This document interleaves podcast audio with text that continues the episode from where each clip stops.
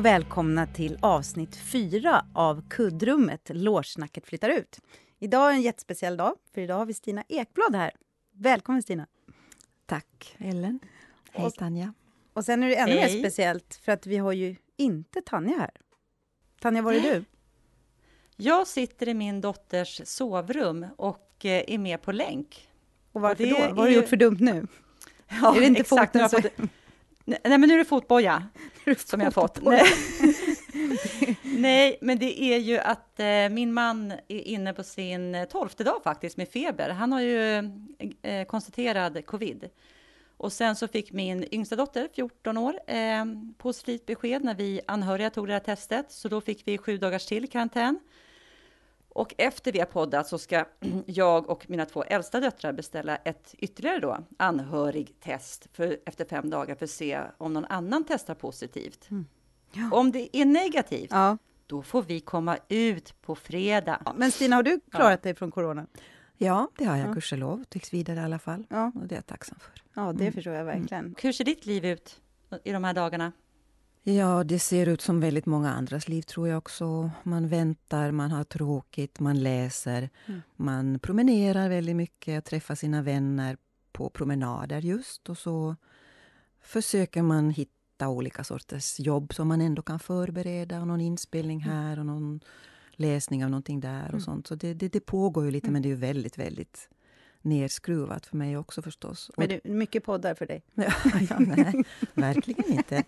Det här är väldigt, väldigt speciellt. Men det är det vi säga. vet, Stina. Mm. Det är därför vi är så otroligt glada. Vi vill att du säger det. Det är den enda podden du kommer göra. Ja, det kan man nog nästan säga. Jag har varit med i någon sån där poesipodd. Ja. Ja, det räknas ju inte. Det, det, räknas ju inte, förstår jag. det här är en sån där riktig podd där folk skrattar och pratar i mun på varandra och är pladdriga. Så jag vet inte riktigt ja, det här, hur det ska gå. Nej, det här är en riktig skitpodd. Så det, vi sa just det, att nu, nu, nu jäklar, nu, går, nu, nu har du börjat tappa omdömet kanske, Stina. Men vi är så glada att du är här. Men du, Stina, vi tänkte höra... Eh, jag och Ellen delar ju loge. Mm. Vem delar du loge med? Jag delar inte loge med någon. Utan jag har en alldeles egen loge. Uh, alldeles intill er faktiskt. Ja. Och um, det hänger ju ihop med att jag är en enstöring, tror jag att man kan säga. Så det har verkligen varit min, uh, min längtan, min önskan och min ambition att få, att få en egen loge.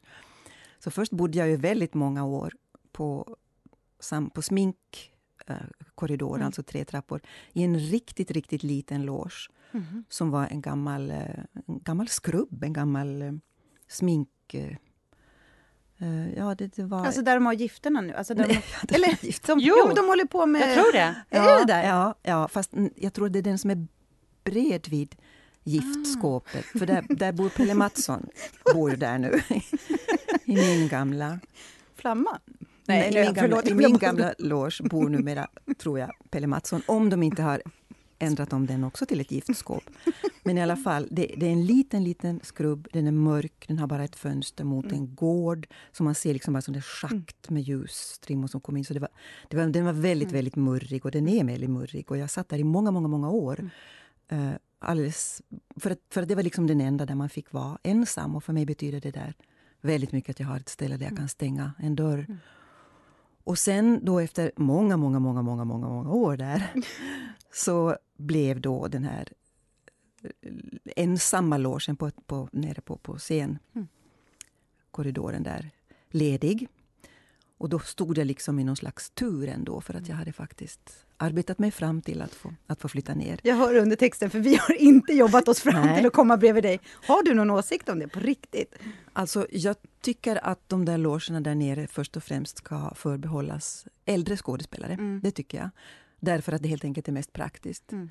Uh, att, att komma, man kommer lätt på stora scener, man kommer lätt till lilla scener, man kommer mm. lätt in mm. utifrån. Det är liksom tillgängligt, mm. nära till allting. Så det är bra om, om folk med kryckor och, och covid, covid och, och liksom ja. ålders... Ja. Alltså, så det, det, det, tycker jag känns ja. rimligt. Ja. Men eh, för övrigt har jag inga Nej. synpunkter. Fast, fast, det är faktiskt jättebra att säga det, för det kan ju vara så att vi ska säga det att kommer det några äldre, vi vill gärna ha äldre skådespelare, då kan ju vi lätt flytta på oss. Alltså, Absolut, ju... ja, men det kan man ja. ju faktiskt. Man, man, man, bor ju inte där för resten av livet. Jag bor ju inte heller där. Så när, när jag är tjänstledig ja. eller, eller det behövs att mm. andra mm. använder min loge, så mm. naturligtvis, den är ju inte min. Nej, Nej. Men, men, vi är överens om att vi flyttar Thomas Hansson först. Alltså, han har ju en egen loge. Och han, det, ja.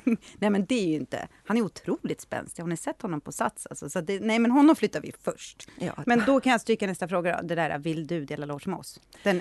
nej men då, jag bara stryker den. Vi... Ja, det, ja nej, men jag kan svara på den också. Det vill jag inte. Nej, och det men känns så förnedrande att du säger det sådär rakt ut.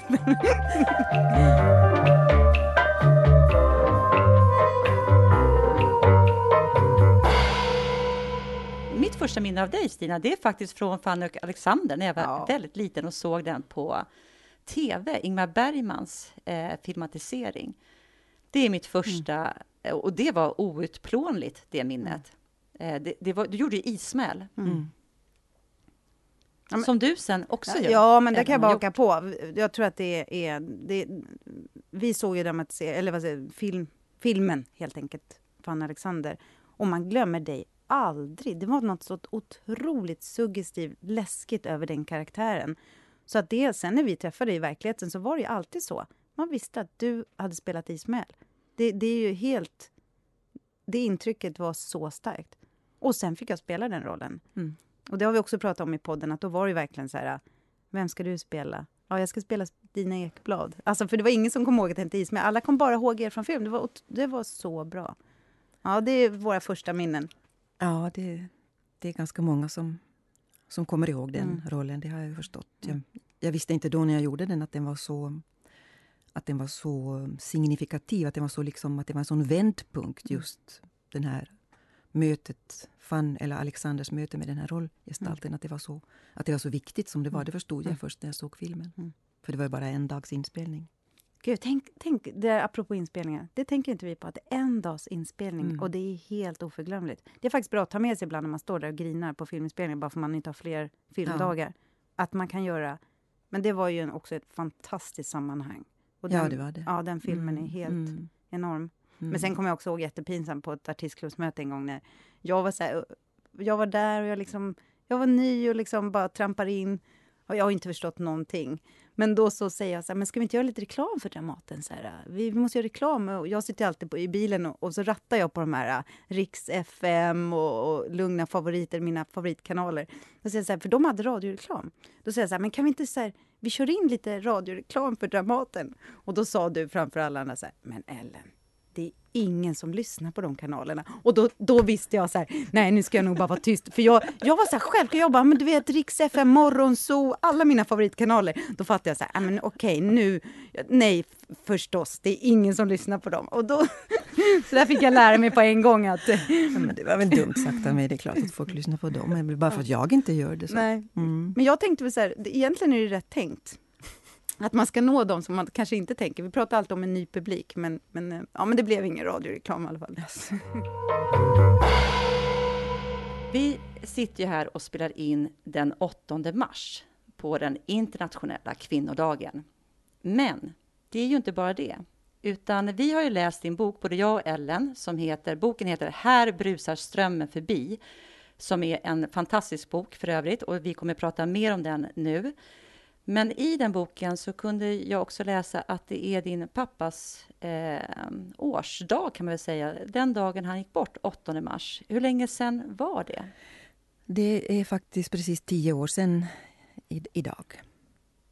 Och det är ju alltid någonting speciellt med, med dödsdagar av ens nära. Det är lite födelsedagar, omvända födelsedagar. Och det var en väldigt... Uppmärks liksom Ja, förlåt. Ja, nej, jag, jag, det, jag tänkte på det idag naturligtvis eh, och, och, och eh, tänkte på um, vädret den där dagen. Det var en högblå himmel, det var strålande sol. Det, var, det här var ju i, i Finland och i, i Österbotten. Han bodde på ett äldreboende där. Och uh, massor med snö och, och um, talgoxarna sjöng och det droppade från taken. Det var en mm, sån där liksom stark dag stark i ljus och stark i färg och stark i känsla. Och det var starkt också att få vara med mm. när, när vår pappa lämnade livet. det var alldeles oförglömligt. Ja, jag blev så berörd att, att du hann dit. Mm. Det är ju inte alla förunnat att göra det. Och Nej. att ni hade en ledig dag, Mm. du och din syster, för din syster har också spelat på Dramaten. Ja, vi gjorde just då Kristina Lunds Idla flickorna. Mm. Och så vi spelade tillsammans. Och vi var lediga och vi hann med ett flyg och vi hann, vi hann fram så att han låg och väntade på oss där. Så kändes det. Och vilka var med mer? På din... Vår bror också. Ja. Mm. Och då levde din mamma fortfarande? Ja, det gjorde hon. Ja. Men hon, hon var inte med där för hon var, hon var då så skröplig redan så att Mm. det, det gick liksom inte att, att, att flytta, Mm. flytta henne dit. Och hur länge levde hon efter din pappa sen? Min mamma dog för tre år sedan Mm. så hon levde ytterligare Mm. sju år. För det är så också så här, vi, nu är vi så berörda av boken just det här med lilla Stina. Nu, det är speciellt att vara föräldralös, Ja, även om du är vuxen. Som, vi är ju inte det. Vi har ju fortfarande våra mammor kvar. ja, ja, Ja. okej. Mm. Mm. Men jag tänker också på att skriva den här boken kanske är lättare när man faktiskt är föräldralös, att man kan gå helt in i sitt eget. Så var det nog. Så Mm. var det nog. Mm. Eh, Det, det är klart att man ska alltid på något sätt ändå visa någonting för mamma och pappa. Ja. Man kommer inte riktigt ifrån det, Nej. hur, hur gammal man än är och hur medveten man än är om allt möjligt. Så att jag hade nog inte skrivit den om mina föräldrar fortfarande hade levt. Nej. Det hade jag inte också för att de, de är ju väldigt närvarande i boken. De kom, att, de kom att finnas med mer än vad jag egentligen hade tänkt. Mm. Överhuvudtaget så kom det att bli mera självbiografiskt än vad jag Mm. hade föreställt mig. Det tycker jag präglar boken, att den är väldigt fri. Den är väldigt öppen och du är väldigt naken med dina känslor. Och jag tror exakt det du säger. Jag vet inte själv om jag hade kunnat göra det. Man måste vara fri. Det är din historia, det är din upplevelse. Och Ja. Man tar alltid hänsyn, vilket man ska göra tycker Ja, jag. Det ja. kan man ha delade åsikter om. Jag tycker det verkar vara väldigt svårt att vara författare, att skriva om sådana som lever eller man porträtterar någon. Eh, Så jag förstår verkligen att, eh, hur man nu kan uttrycka, jag är glad att du väntade tills du blev helt fri. Ja, och det är ju inte så att jag har något, något oerhört traumatiskt förhållande till mina föräldrar som jag behöver bearbeta så, men det är ju ändå, det är ju ändå ganska starkt kanske att berätta att skriva att man hade en, en, en vek pappa, en Mm. rasande mamma liksom, Mm. som, jag, som jag då beskriver dem som. Och det för mig är det ju så en sån otroligt viktig del av den Mm. som jag är och den Ja. som jag har blivit. Just den här kombinationen av de här två människorna som, som var så olika varandra och som egentligen inte då, efter vad jag anser, passade ihop. Mm. Men hur dera, den här kombinationen av det, det mötet mellan dem då ändå gav mig Mm. så mycket. Men det är ett citat i boken där. Jag har aldrig träffat en man utan att, åh vad är det? Så, det står utan att inte frakta honom eller det står någonting. Nej, men det där är faktiskt ett citat ur Fadren. Ja men det var det jag Tanja. tänkte. Det Mm. fa- men vad, hur går det? Ah. Jag har aldrig mött en man utan att känna mig det är, det är. Laura, det är Laura i Fadren som säger... Laura har en enda riktigt bra replik, annars Mm. är det ju rytmästaren Mm. som får alla bra repliker där i, i Strindbergs Fadren. Men Laura säger Eget är det, men jag har aldrig kunnat se på en man utan att känna mig överlägsen. Ja, och det är så fint i din bok så står den bara så. Och jag vet också att det är från den. Men har det någonting att göra med bilden av din pappa? Har det präglat din manliga förebild? Eller de val av män du sen har gjort? Det här att... eh, nej, jag har aldrig någonsin sett på min far och känt mig överlägsen. Aldrig någonsin. Mm. Verkligen inte. Nej, nej. Eh, tvärtom. Han har varit på många sätt en förebild Mm. som en, en god, mjuk, mild, Mm. nästan kvinnlig Mm. man. Mina förebilder, de jag har med mig, det är en ganska kvinnlig pappa och en ganska manlig mamma. Mm.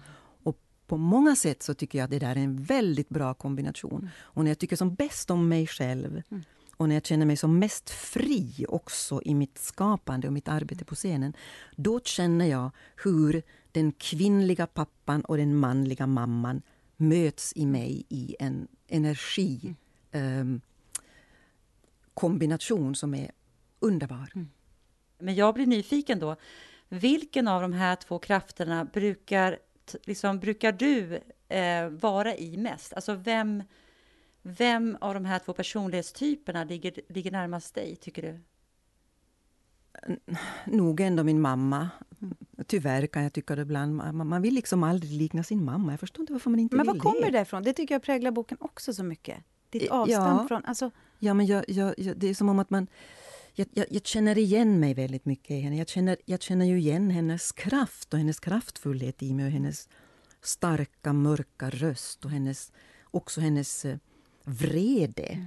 som hon ju hade i sig. Jag, jag, jag, jag, känner att, uh, jag känner att jag ibland får får behärska den. Och jag, jag, jag, kan, jag kan känna hur hon lever i mig, men jag, jag försöker också verkligen att göra det till någonting som är bra. Och för det mesta är det någonting som är bra, därför att det är klart att det, den energin som är en kvinnas liksom riktade kraftfullhet den är ju någonting som jag verkligen kan använda mig av när jag står på scenen mm. och, ska, och ska gestalta någonting inför en publik. För att jag kan ju känna, jag kan ju känna ibland att jag har hur mycket kraft som helst i mig. Det är liksom helt outtömligt. Och den kraften den kommer från mamma. Mm. Men jag upplever också att hade det bara varit den, mm. då hade jag varit en ragata. Mm. Och det är jag inte. Men min mamma var lite lite ragata-typen. Jag måste ändå försvara din mamma, för jag är, jag är lite fascinerad av din mamma, för jag tänker också på det där med att hon senare också började med skådespeleri. Mm. Hon, och nu vet inte jag, men jag ser henne som en skådespelerska, att hon hade så mycket Och du beskriver också att hon kommer, du ser när du hälsar på mostrarna, så det är roligt, det är glatt. Det är, mm. När hon är på gott humör så sjunger hon. Mm. Och helt plötsligt känner jag, tycker jag, apropå modersrollen, den otacksamma modersrollen. Du beskriver också hur två personer träffas som kanske inte riktigt passar ihop, men det kanske räcker att man, man har det här tillsammans, man har barn, man har allting. Men hon måste ha dragit ett otroligt tungt lass. Pappa var alltid så snäll. Mm. Men mamma var också, också roligare och det är mm. klart att själva den här uh, det här uh, uttrycksbehovet, det kommer absolut mm. från henne och från hennes uh, systrar också, mm. hennes familj. Och hon, hon var ju... Hon sydde alla kläder, hon stickade mm. och höll på. Hon var, hon, hon var, alltid, hon var väldigt kreativ som, som typ. Mm. Och mycket riktigt, när hon sen då också blev amatörskådespelerska och började spela på somrarna, då var hon mm. Fullständigt självklar. Ja. Hon var liksom mm. född skådespelerska, det, det såg man ju. Men det är så starkt också skrivet, som både jag och Tanja fastnar för. Um, ja, du hatade kan... när din mamma skrek. Du kan läsa citatet ja, du, faktiskt. Jag kan läsa citatet. Jag ska aldrig skrika åt en man. Jag ska se till att min man skriker åt mig istället, så jag slipper göra det. Vad det fastnade både vad jag och tänkte du då? ja. Um, och hur har du förvaltat nej, men, det barnatanket? Då kommer vi ju in på saker som jag kanske egentligen inte ska säga så mycket mer om än, än just det som jag har skrivit. Mm. Därför att eh, då, då, då, då kommer jag in på saker som har bara med mig att göra och som inte har med mig att göra som, som skådespelerska, tycker jag. Eh, jag, jag eh, upplevde så oerhört starkt som barn att den här... Hur, hur, hur fruktansvärt det var att, eh, att någon höjde rösten. Och det var min mamma som höjde rösten. Och jag, jag förstod henne också ofta varför hon gjorde det. Därför att hon, måste säga ifrån och hon behövde få utlopp för allt det som rörde sig i henne. Men det var väldigt, väldigt, väldigt... Det gjorde ont i mig. Det var svårt. Jag, jag, det, det, var, det var nog det värsta jag visste faktiskt. Och jag har talat med mina syskon om det också. Jag tror att, jag, tror att, var, att jag var den som på något sätt eh, tog åt mig mest av det där. Jag vet inte varför. Eh, jag har liksom starka minnen av hur jag sitter bara med händerna för öronen och, och inte vill höra. Och eh, just eh, mer eller mindre medvetet anammade upp, upplevelsen av att detta ska jag aldrig, detta ska aldrig bli jag, detta ska icke. Mm. Så jag har, ju, jag har ju varit i vissa lägen lite konflikträdd då mm. snarare och gått undan för att inte hamna i den situationen där min gapiga, skrikiga mm. mamma med stark röst mm. skriker ifrån och ibland har det varit bra att jag gått undan, ibland har det inte varit bra, utan då har jag liksom kvävt någonting. Mm. Det här temperamentet. Jag har ju exakt samma arv. Eh, både mormor och mamma eh, kan verkligen höja rösten och gjorde det. Och jag tänkte nog också, man, ja men det finns alltid saker man tänker så här, men det där ska jag aldrig göra. När min äldsta dotter, hon var säkert bara fyra år. Och det är inte så att jag, alltså jag känner ju själv att jag har den här vreden som jag måste eh, också liksom se till att den inte eh, tar sig uttryck i helt fel sammanhang och att jag skrämmer folk. men, och jag skriker inte länge, men jag har just att det kan explodera. Och då, och då när man är stressad, och hon var säkert bara fyra år, vi stod i hallen, och så, så höjer jag rösten och blir, alltså jag känner hur mina ögon blir svarta och jag säger någonting så här, men nu får du, jag skriker någonting och då säger då tittar hon på mig med axlarna som har dragit ihop sig. Så säger hon till mig så här, mamma du får inte skrika så där på mig, för jag blir så rädd, jag blir så rädd så hela jag darrar. Och det där gick mm. in i mig så otroligt. Och det var mm. faktiskt, när hon sa det till mig, mm. Mm. så kände jag exakt igen mönstret och tänkte nej, det får jag inte. Mm, och jag. har verkligen mm. tänkt på det. Men du har lyckats att inte skrika på ditt barn då? Ja, nej, det har jag nog aldrig gjort. Nej. Ja, det är fantastiskt. Jag har, också, jag har skrikit på mina barn. Det är inget jag är stolt över. Men, nej, men det är ju lätt hänt. Mm. Men jag, jag, nej, jag, jag, inte, jag kan inte påminna mig om någon sån situation. Men jag tänkte på det, Tanja, när jag, din föreställning där Mormors svarta ögon som också handlar om... Jag tänkte ju väldigt mycket på min egen bakgrund också, på mitt eget liv när jag såg den. Det finns ju så många paralleller där med den här ja, vreden och, och eh, språket och mm, flytta och, och, och, så allt det finska förstås. Det är ju en, en historia för sig. Mm. Ja, men jag, jag, hade ju samma upplevelse när jag läste din bok, att jag insåg mm. också då, först egentligen, men oj, gud vad det här är som mm. ett karbonpapper på massa saker jag känner igen. Mm. Så att... Mm. Eh, Men det är ju, vi sitter ju här, fast, ja, det är det vi sa också, vi sitter ju här, tre kvinnor, med alla på något sätt har kommit från Finland. Jag, prat, jag är ju skogsfinne. Kom för länge, länge sedan, men vi i min familj pratade de ju finska oerhört länge. De, det tog lång, lång tid innan de här svedjebrukarna integrerades i Sverige. För det var verkligen, de kom från eh, Savolax, Ja, det visste jag inte. Jag trodde bara du hade det danska. Det danska har jag ju ännu mm, mer. Men, mm. men jag tycker det är så intressant, för jag sa också det Tanja. Jag kom för länge sedan. Då var, vi var i samma land såklart, Sverige och Finland. Och du kom som arbets... Dina föräldrar kom som arbetskraftsinvandrare. Tanja? Ja, för jag är ju född i Sverige mm, och de exakt. kom ju på 60-talet, början, ja. ja 59-60 ja, och du kom Och du kom för egen maskin, men vi är ja. ändå tre, tre finska härliga kärringar här. Alltså det är ju kraft ja. alltså. och du växte upp på, på landet. På ja. landet. Det, det är ja. också så fascinerande. Mm. Du verkligen är en bondtjej. Det hade inte jag trott. Om man bara skulle, alltså, jag trodde nästan när jag träffade dig första gången att du var... Jag kände ju inte dig. Nej. Kanske till och med överklass. Nej, jag, jag, min pappa är jordbrukare, skogshuggare, mm. min mamma hemmafru. Mm. Uh, vi hade djur, mm. vi hade lite skog, mm. vi hade lite mark, åkrar, åkrar. Så, så det är verkligen en småbrukar, småbrukarfamilj. Och jag har ingen... Alla, alla i min släkt, både på mammas och pappas sida, är småbrukare mm. och mm. jordbrukare, skogsarbetare. Någon snickare, mm. lite sånt. Men saknar du att bo på landet?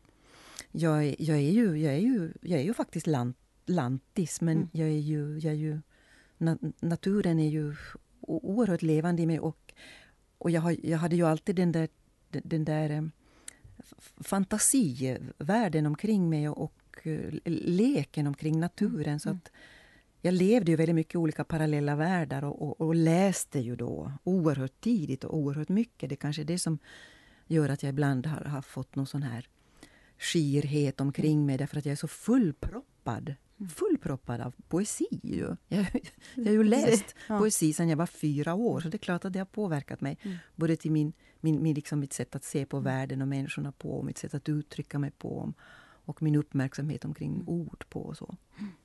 Jo, det är så spännande. Du har växt upp på landet omgiven av jordbruk och djur och ändå så tidigt så sugs du in och börjar intressera dig för poesi och litteratur. Var kom det intresset ifrån? Alltså, jag är ju född med en begåvning. Mm. Det, så är det ju. Jag har en gåva som, som liksom finns i mig. Och den gåvan handlar om en längtan efter uttryck. Så, så är det bara. Och, och jag, jag, identifierade ju den gåvan så oerhört tidigt och trodde då, så snart jag hade kunnat börja formulera mig omkring den, att jag ville bli författare. Mm. Därför att jag kände att jag ville... Något ville ur mig.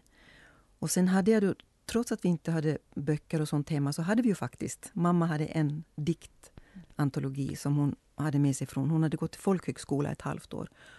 Och där äh, läste de lite poesi och hon läste för mig ur denna diktsamling. Och så att om jag verkligen ska tänka efter vilket mitt allra första minne i hela världen, hela mitt liv är, så är det minnet av mammas röst. Mm. Och jag tror att det där är någonting som satte oerhörda spår i mig. Rösten som läser en dikt, en dikt som rimmar, en dikt med vackra ord. Mammas röst. Och också den här känslan av kanske att jag ändå var nära mamma då när hon läste för mig. Så det måste, det måste ha varit det, för jag vet exakt tydligt att jag gick till henne. Jag vet att jag bad henne att hon skulle läsa om fyra svarta män. Mm.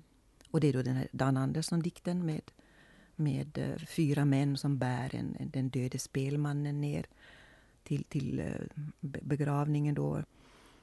Och, och, och den, där, den där upplevelsen av hur, hur dessa ljud och dessa ord var inne i mamma och kom till mig, den, den, den är absolut livsavgörande för mig.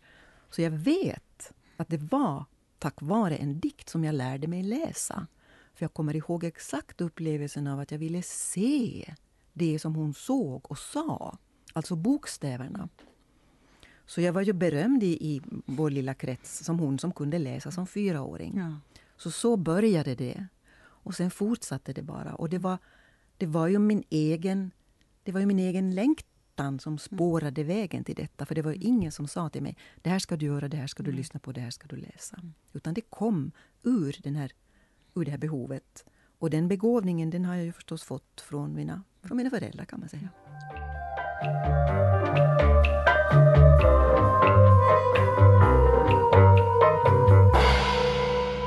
I Oravais stiger kvinnan på bussen. Det är en vuxen kvinna men hon är inte tjock, inte stängd. Inte som mammorna, tanterna, grannkvinnorna. Inte den effektiva sorten. Maten, köket, förklädet, korna, räfsan, skvallret. En slank kvinna. Håret slätt, tröja med krage, veckad kjol, fin jacka liten väska. Hon sätter sig snett mittemot. Flickan sneglar. Så där kan man se ut när man är vuxen. Man kan vara smal. Man kan ha ett blankt, nyborstat, halvlångt hår. Det behöver inte vara permanentat och kort. Är hon vacker? Hon är fri. Hon är vuxen och samtidigt fri. Hon är den första fria vuxna kvinna flickan har sett.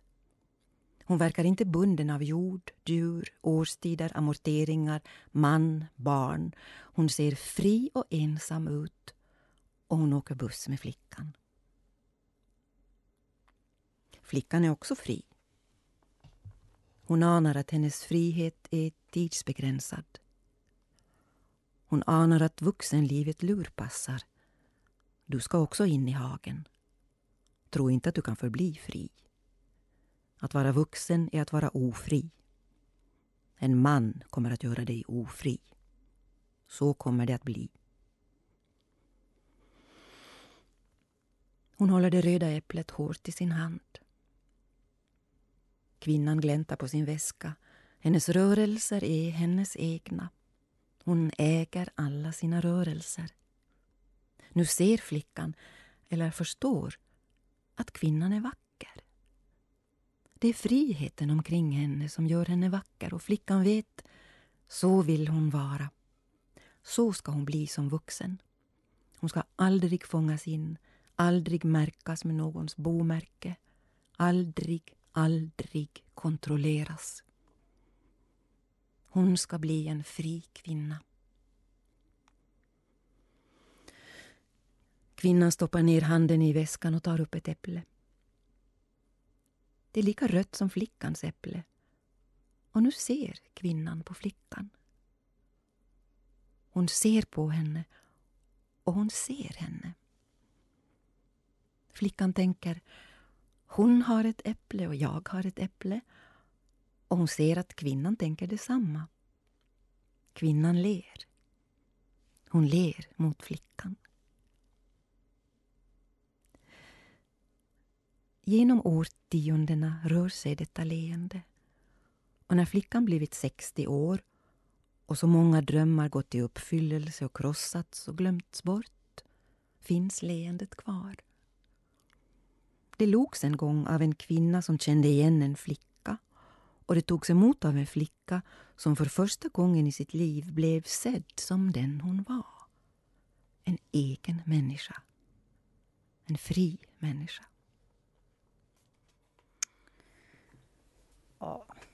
Det här ja, var ju alltså, ja, det, det, som, det här var ett stycke som, det, som både jag och Tanja tänker att det här är nyckelscenen i hela boken, i hela dig, om man får vara så. Um, och jag ser den framför mig på filmen som vi ska göra sen. När du kommer nu säga att du, vi får köpa rättigheterna till din film. Vi vill gärna ha det på band. Nej men det är så, alltså Stina, det är... Jag tror alla vi som är tjejer och kvinnor kan känna igen oss i det här. Men min fråga, nämligen, jag hade ju en fråga sen som inte behövs då egentligen, men när du drog till Danmark som 17-åring, så stark övertygelsen, då var ju om du åkte ifrån någonting eller till någonting. Men här känns det som att det här, här Åh, blir men, du till. Men Ellen, jag skulle också innan dess faktiskt vilja fråga bara så här, vad, vad tänker du vad, att det här stycket handlar om? Det är ju ganska klart vad det handlar om. Alltså det är verkligen en, en, en nyckelscen i mitt liv, det mm. tycker jag. Och jag kommer ihåg den, det var, det var exakt så där som jag beskriver. Och det var alldeles oförglömligt. Och så, som såna här... Alltså det finns ju oförglömliga saker och scener i ens liv som, som egentligen inte är någonting, men som bara betyder så otroligt mycket. Och den där känslan av att, att, uh, att vara en riktig uh, egen person med mm. egna gränser, egna konturer. För jag var ju ändå ganska liten, ganska ung. Jag hade liksom inte känt att jag var själv någonting, utan jag var någons barn, jag var någons syster, jag var någons skolkamrat. Liksom. Men vem var självaste jag då? Mm. Och där förstod jag, just i och med det här mötet med den här vuxna kvinnan som, som såg rakt på mig sådär och att det fanns en gemenskap i, i mötet när vi sågs, bara det där äpplet, att vi båda delade någonting. Det var som en uppenbarelse. Mm. Och eh, att, att, att uppleva att hon var fri. Jag kanske inte satte det ordet på det just då. Men så tänkte jag det sen när jag såg henne framför mig. Jag tänker henne framför mig. Så tänker jag just att hon att hon, hon rörde sig utan hämningar. Hon, hon var inte anpassad, hon var inte tillpassad. Hon var den hon var. Uh, och jag såg det så tydligt och jag visste att jag måste få vara den jag är också. Mm. Och det var ju också förstås en av anledningarna till att jag sen lämnade mitt min hemby för att jag kände ju att där var det ju en, en folla som man mer eller mindre nog automatiskt skulle fösas in i och där jag inte skulle komma att trivas. Så jag uh, förstod ju väldigt tidigt att jag måste bort. Och, och det blev då sen så småningom Danmark.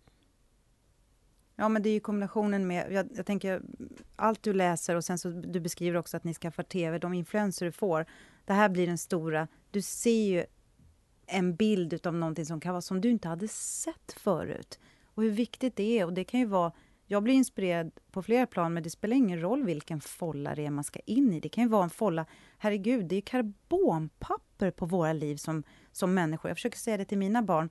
Tänk utanför boxen också. Det är inte, och jag älskar att ha med ordet amorteringar någonstans där. För det är också så här, mm. alltså, det är det enda barn nu för tiden är så här, eh, låna på banken. Alltså det här ofria, att ja, men först ska jag gå gymnasiet, sen ska jag gå högskola, så ska jag få barn. Nej, försök att tänka.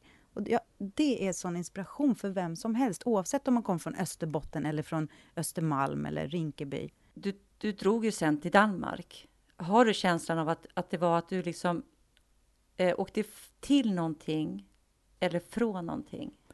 Egentligen mest från faktiskt. Mm. Um, och att det blev Danmark var ju en ren slump eftersom jag hade varit i Danmark som, ton, som 15-åring med skolorkestern och vi spelade där och allt var bara så fantastiskt eftersom det var någonting som, var, som inte liknade något annat jag hade sett, en helt annan värld.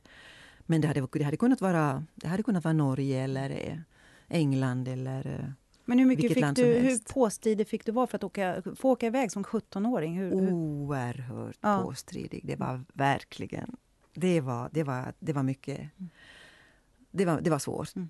Det förstår för bara jag där hade ju många gett mm, upp. Alltså mm. när man, för jag förstår, det, det, är inte så att du beskriver i detalj eh, de ordväxlingar och eh, skuldbeläggande, men, men vi som har levt lite förstår ju.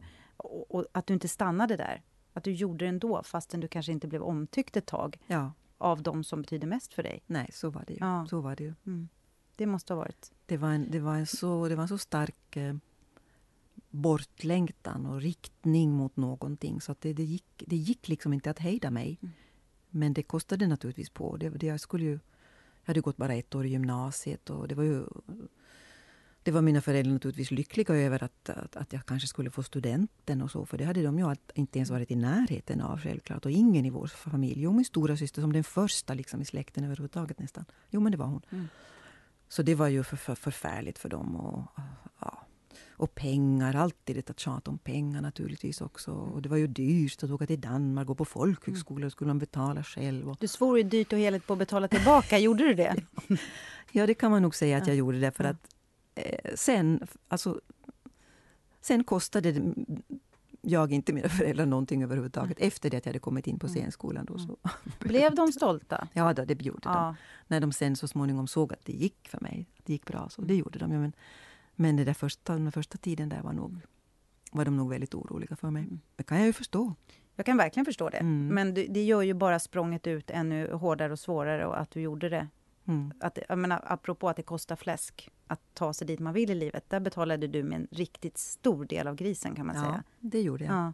Mm. Bra gjort! Jag tycker också att det är härligt att, att det finns liksom en passage i boken där du, där du liksom använder ordet hippie också. Och det finns en, en verkligen så här ungdoms, för det var ju den tiden också. Och när jag liksom tänker Stina Ekblad så har jag så lite hippie framför mig. Jag tänker en ganska stram och liksom eh, kontrollerad människa. Kan du inte liksom, men inte när hon var pårökt? nej, men alltså det är det jag är intresserad av. Jag vill veta mer om, om hippien Stina. Va, va, hur, hur hur, hur var hon? Nej, men det var ju... Det var ju jag, det var ju den delen av mig som ju fortfarande också finns i mig som är anarkistisk eh, och som är vild och eh, hämningslös.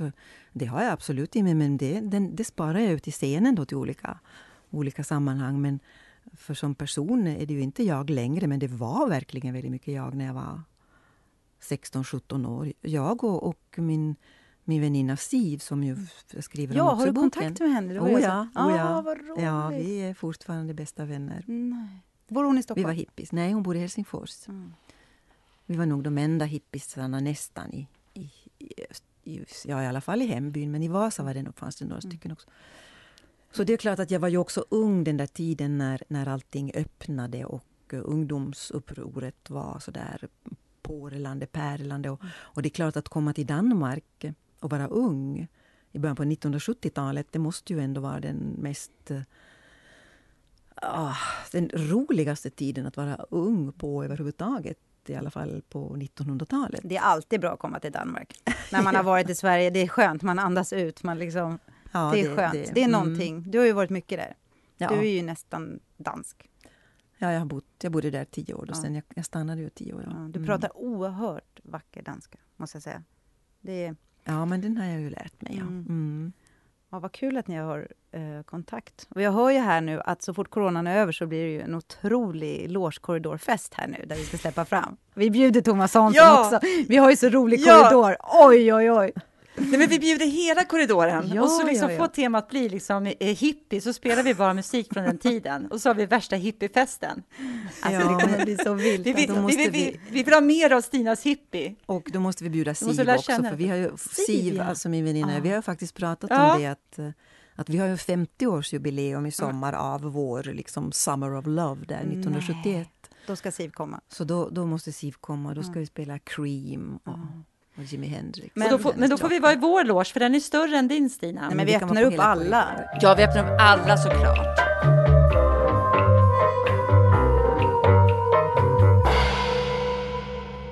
Jag kände mig obekväm i flock. Det skruvade på sig inom mig och i hemlighet stretade jag emot. Jag var en dålig aktivist. Jag kände mig alltid tillgjord när jag skulle agitera. Alltid förljugen när jag befann mig på barrikaderna. Det värsta jag visste var stormöten. Sådana förekom ideligen. Jag slank undan, pratade folk efter munnen, som man säger i Danmark, höll med den siste talaren eller satt bara tyst och försökte se intressant ut. Så där gör jag fortfarande. Det är rysligt. Men det knottrar sig i mig när jag ska följa en ström, vartåt den än brusar. Mm. Du har ju faktiskt redan nämnt att du är en enstöring och att du liksom har svårt för det här eh, flockkänslan. Är det liksom i alla sammanhang eller är det vissa sammanhang som du tycker att den är mer besvärande än andra? Det är alla sammanhang. Ja. Men har den... Ja, men, för, för, anledningen till att vi valde det här stycket är för att jag har ju verkligen, verkligen känt igen mig i det här. Och även du Tanja, det är väl också därför vi har blivit nära vänner. Vi har ju, jag har också haft svårt, jag, och det här kanske man inte ska säga så här, men jag kan inte ens gå i demonstrationer för att jag tycker det är obehagligt med folksamlingar. Människor i grupp tillsammans som skanderar kan bli väldigt obehagliga, apropå stormöten. Men det som har slagit mig på senare åren, för min egen del, är att den rädslan har också uteslutit mig från gemenskap. Är det någonting som du har noterat eller lidit av eller bara accepterat? Absolut. Både noterat och lidit av och accepterat. Mm. Um, för så, så är det. Eh, och eh, i perioder har jag haft väldigt svårt med det för att jag har naturligtvis känt mig utanför och eh, illa till mods och också haft dåligt samvete över att jag har varit så, haft så svårt att, att engagera mig, att um, gå liksom i täten för någonting eller va, vara en del av... Alltså, ibland tänker jag att det är verkligen tur att jag blev skådespelerska därför att annars hade jag kanske gått i kloster eller någonting mm. sånt. Mm. Det hade jag ju nog inte, men jag har de där tendenserna i mig att, eh, att, att, att, att, att dra mig undan. Och jag älskar ju samarbetet på scenen med kollegorna och när man arbetar fram en pjäs och när man spelar den och jag älskar att möta publiken. Så det är inte det. Men kanske därför också att det går åt så mycket kraft och energi och glädje till detta så har jag behovet av att inte vara i närheten av synpunkter, åsikter, tankar, ehm, mycket folk utanför arbetet. Det behovet är väldigt, väldigt starkt. Och det är typiskt också därför att jag strax söker mig till en en egen loge eller mm. när jag är på någon inspelningsplats så hittar jag alltid någon hörna där jag kan mm. liksom göra, göra till min lilla grotta och så. Och eh, det är klart att det där har satt mig i situationer ibland när jag, när jag liksom har frågat mig själv, är det här bara lättja? Att jag inte står upp och tar ansvar för någonting och så. Och så brukar jag försvara mig själv med att jag har ändå inte upplevt att jag har varit i någon situation där jag, har, där jag inte har reagerat om jag har upplevt att någon i min närhet har behandlats illa eller att det har hänt någonting. Jag är inte rädd för att um, bry mig om folk som liksom är ledsna eller blöder eller fulla eller kräks eller är sjuka eller så. Det, det är ju inte det. Mm. Själva det att vara med och ta hand om och ta ansvar för. Men, men just det där att, att dra iväg i en flock och uh, ha samma åsikt som flocken. Mm.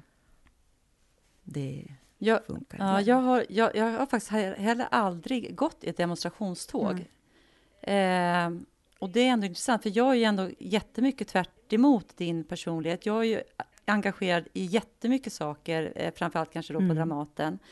Men det fanns ju ett en stor rörelse, alltså tystnadtagning metoo, som ju var en stor rörelse, men där jag också fick en punkt där jag kände nu måste jag sätta ner hälarna och bromsa för att hinna med var jag står i det här.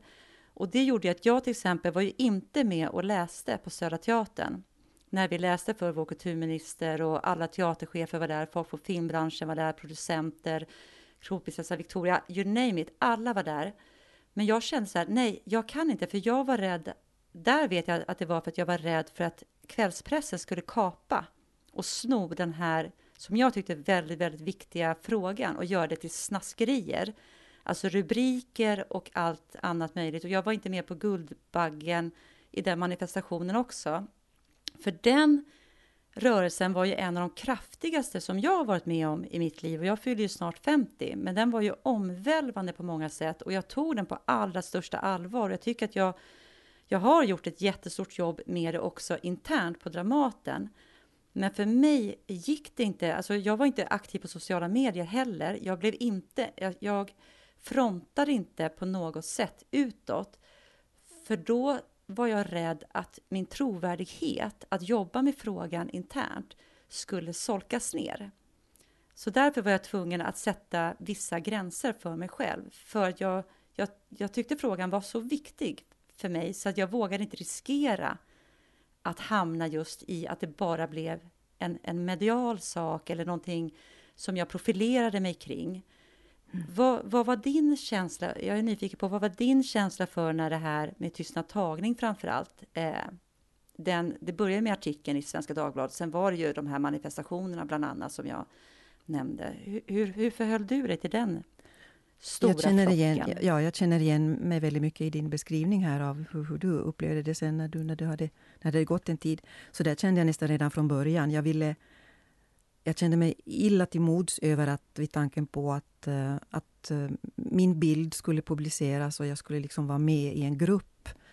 Och så skulle, någon, så skulle, så skulle jag liksom bli eh, tilltalad av någon eller det skulle liksom slås upp på något sätt. Hon var si, hon, vad hon gjort.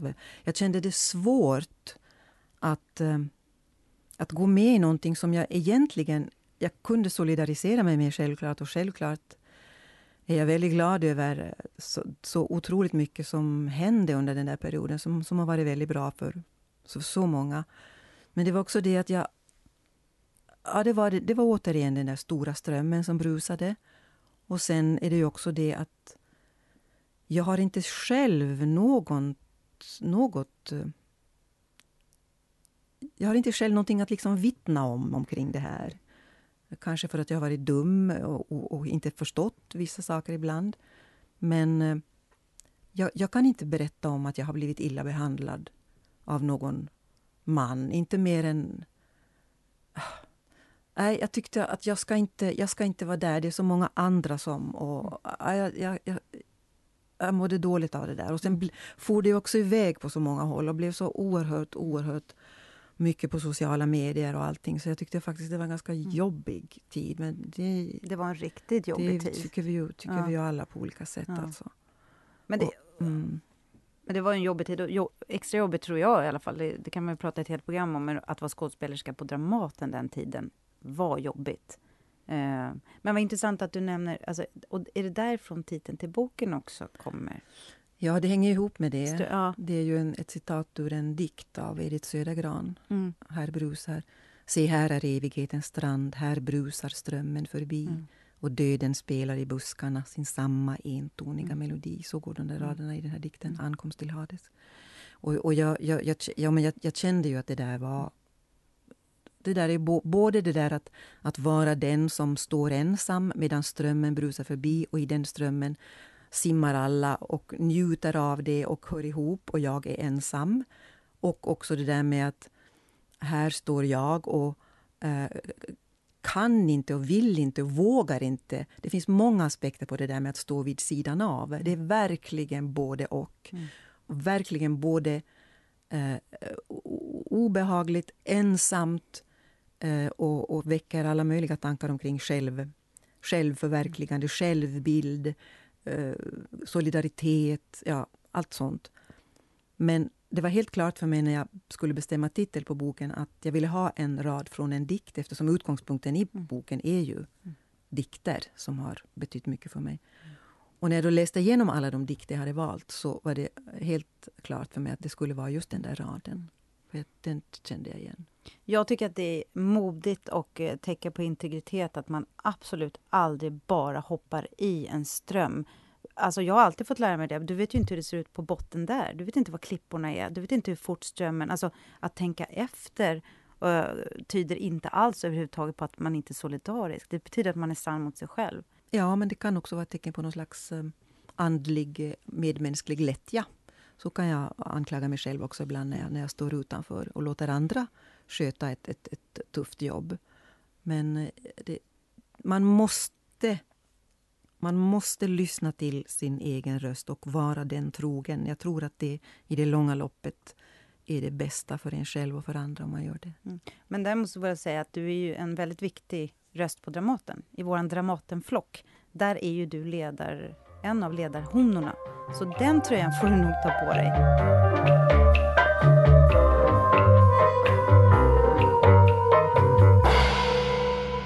Du skriver ett stycke i boken om eh, rollen efter 40 och jag skulle säga att det liksom framförallt verkar handla om filmrollerna. För på teatern, där har du ju fått fantastiska roller efter 40.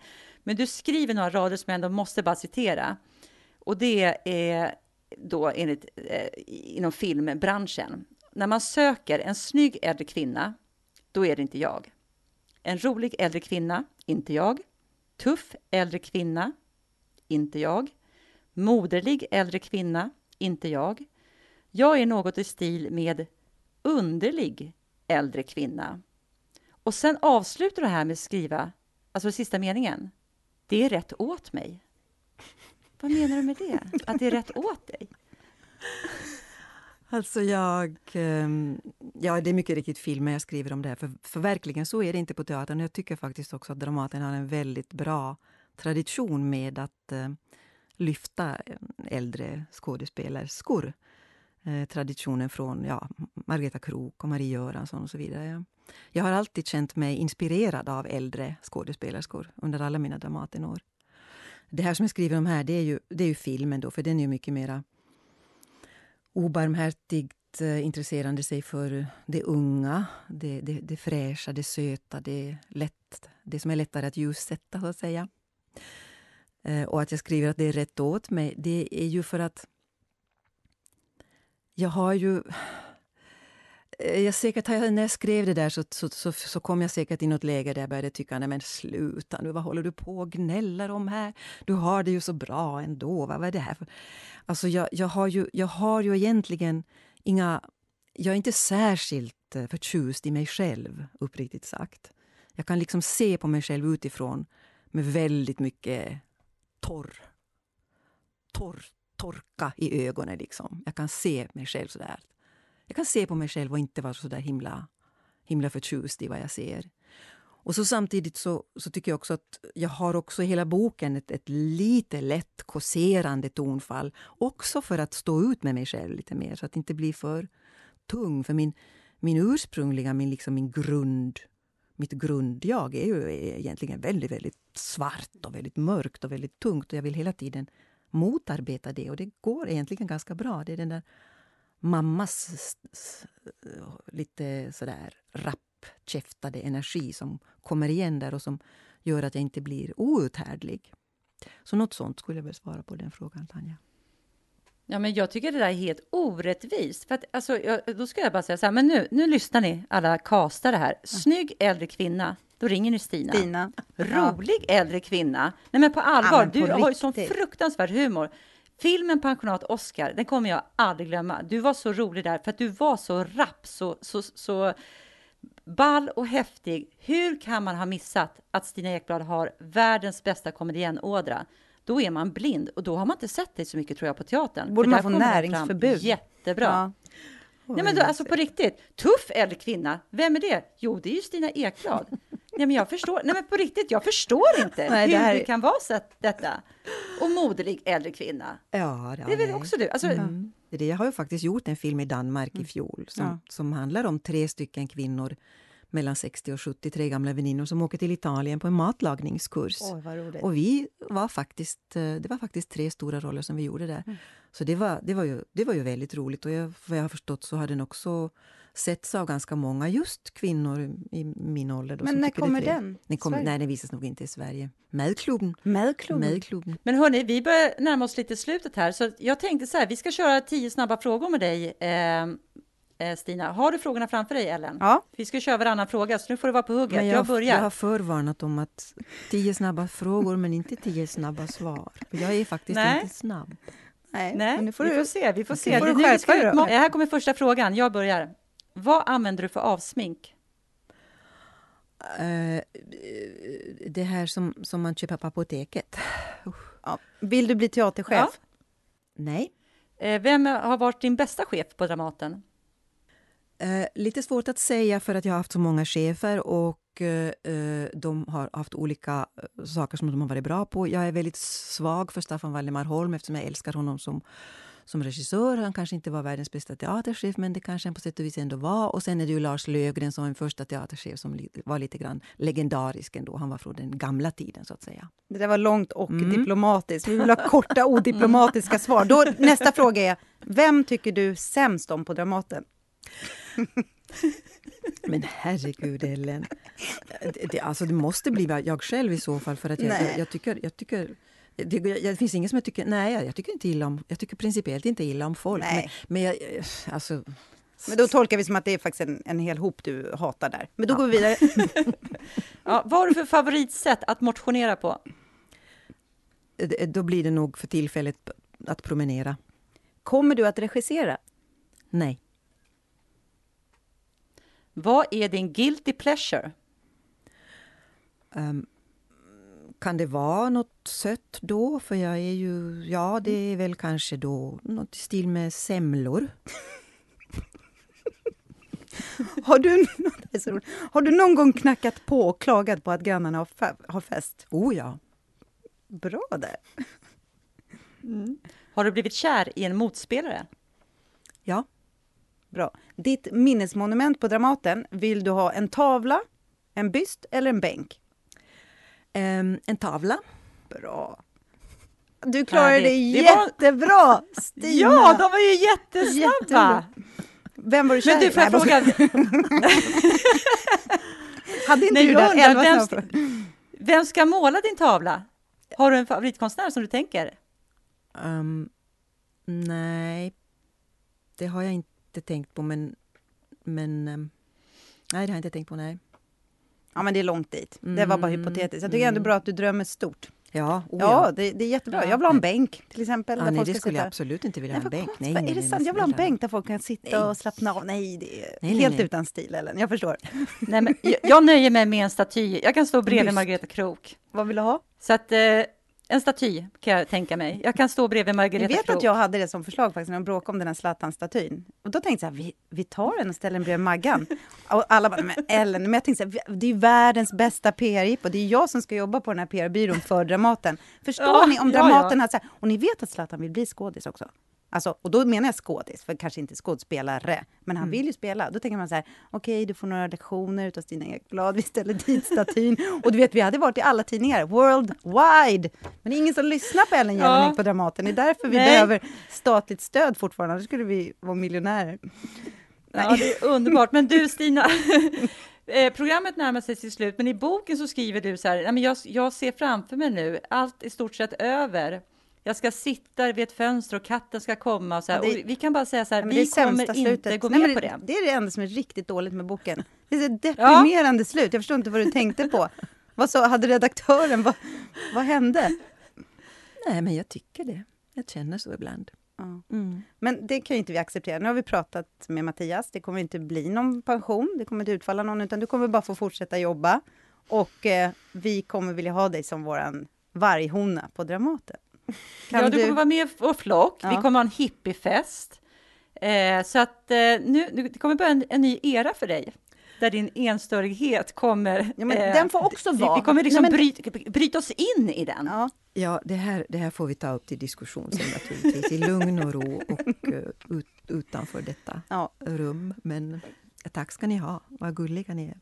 Stina, vi är ja. så glada att du kom hit och tack för en fantastisk bok. Det vill vi säga till alla lyssnare. Köp Stinas bok, den finns där böcker finns. Den är också dessutom väldigt vacker. Det ser ni när ni köper den med bilder och rosa färg. Ni kan också lyssna på Storytel och där man kan lyssna på ljudböcker där Stina själv läser in boken och det är också ett högt nöje. Så köp Stinas bok. Och den heter Här brusar strömmen förbi och ni vill inte missa den, det lovar vi. Men hörni, då rundar vi av här nu då och eh, säger tack till Emma Janke, vår producent och tack till Ljudbank. Och alltid tack till Matte Bye för din fina musik. Och prenumerera gärna på oss på kuddrummet Lårsnacket flyttar ut, eh, där poddar finns, för då får ni avsnitten tidigare än alla andra. Följ oss gärna på Instagram, på kuddrummet podd. Och vi vill nå ut, så tipsa nu gärna vänner och bekanta om ni gillade avsnittet och länka till oss och eh, tagga oss så att vi får fler som vill lyssna. För det här, det här avsnittet med Stina Ekblad, det kommer bli episkt. Och så återigen, Stina, Stina, vad, alltså vi är så glada för att du ville komma till oss och vara vår gäst idag. Och så, återigen, tack så hemskt mycket, framförallt också för din otroligt fina bok. Fick vi med på band och tack till alla som har lyssnat. Fick Vad säger med, du? Fick du med filmrättigheterna på band? Har vi dem? Har vi dem? Har vi dem? ja, och så tackar vi för filmrättigheterna.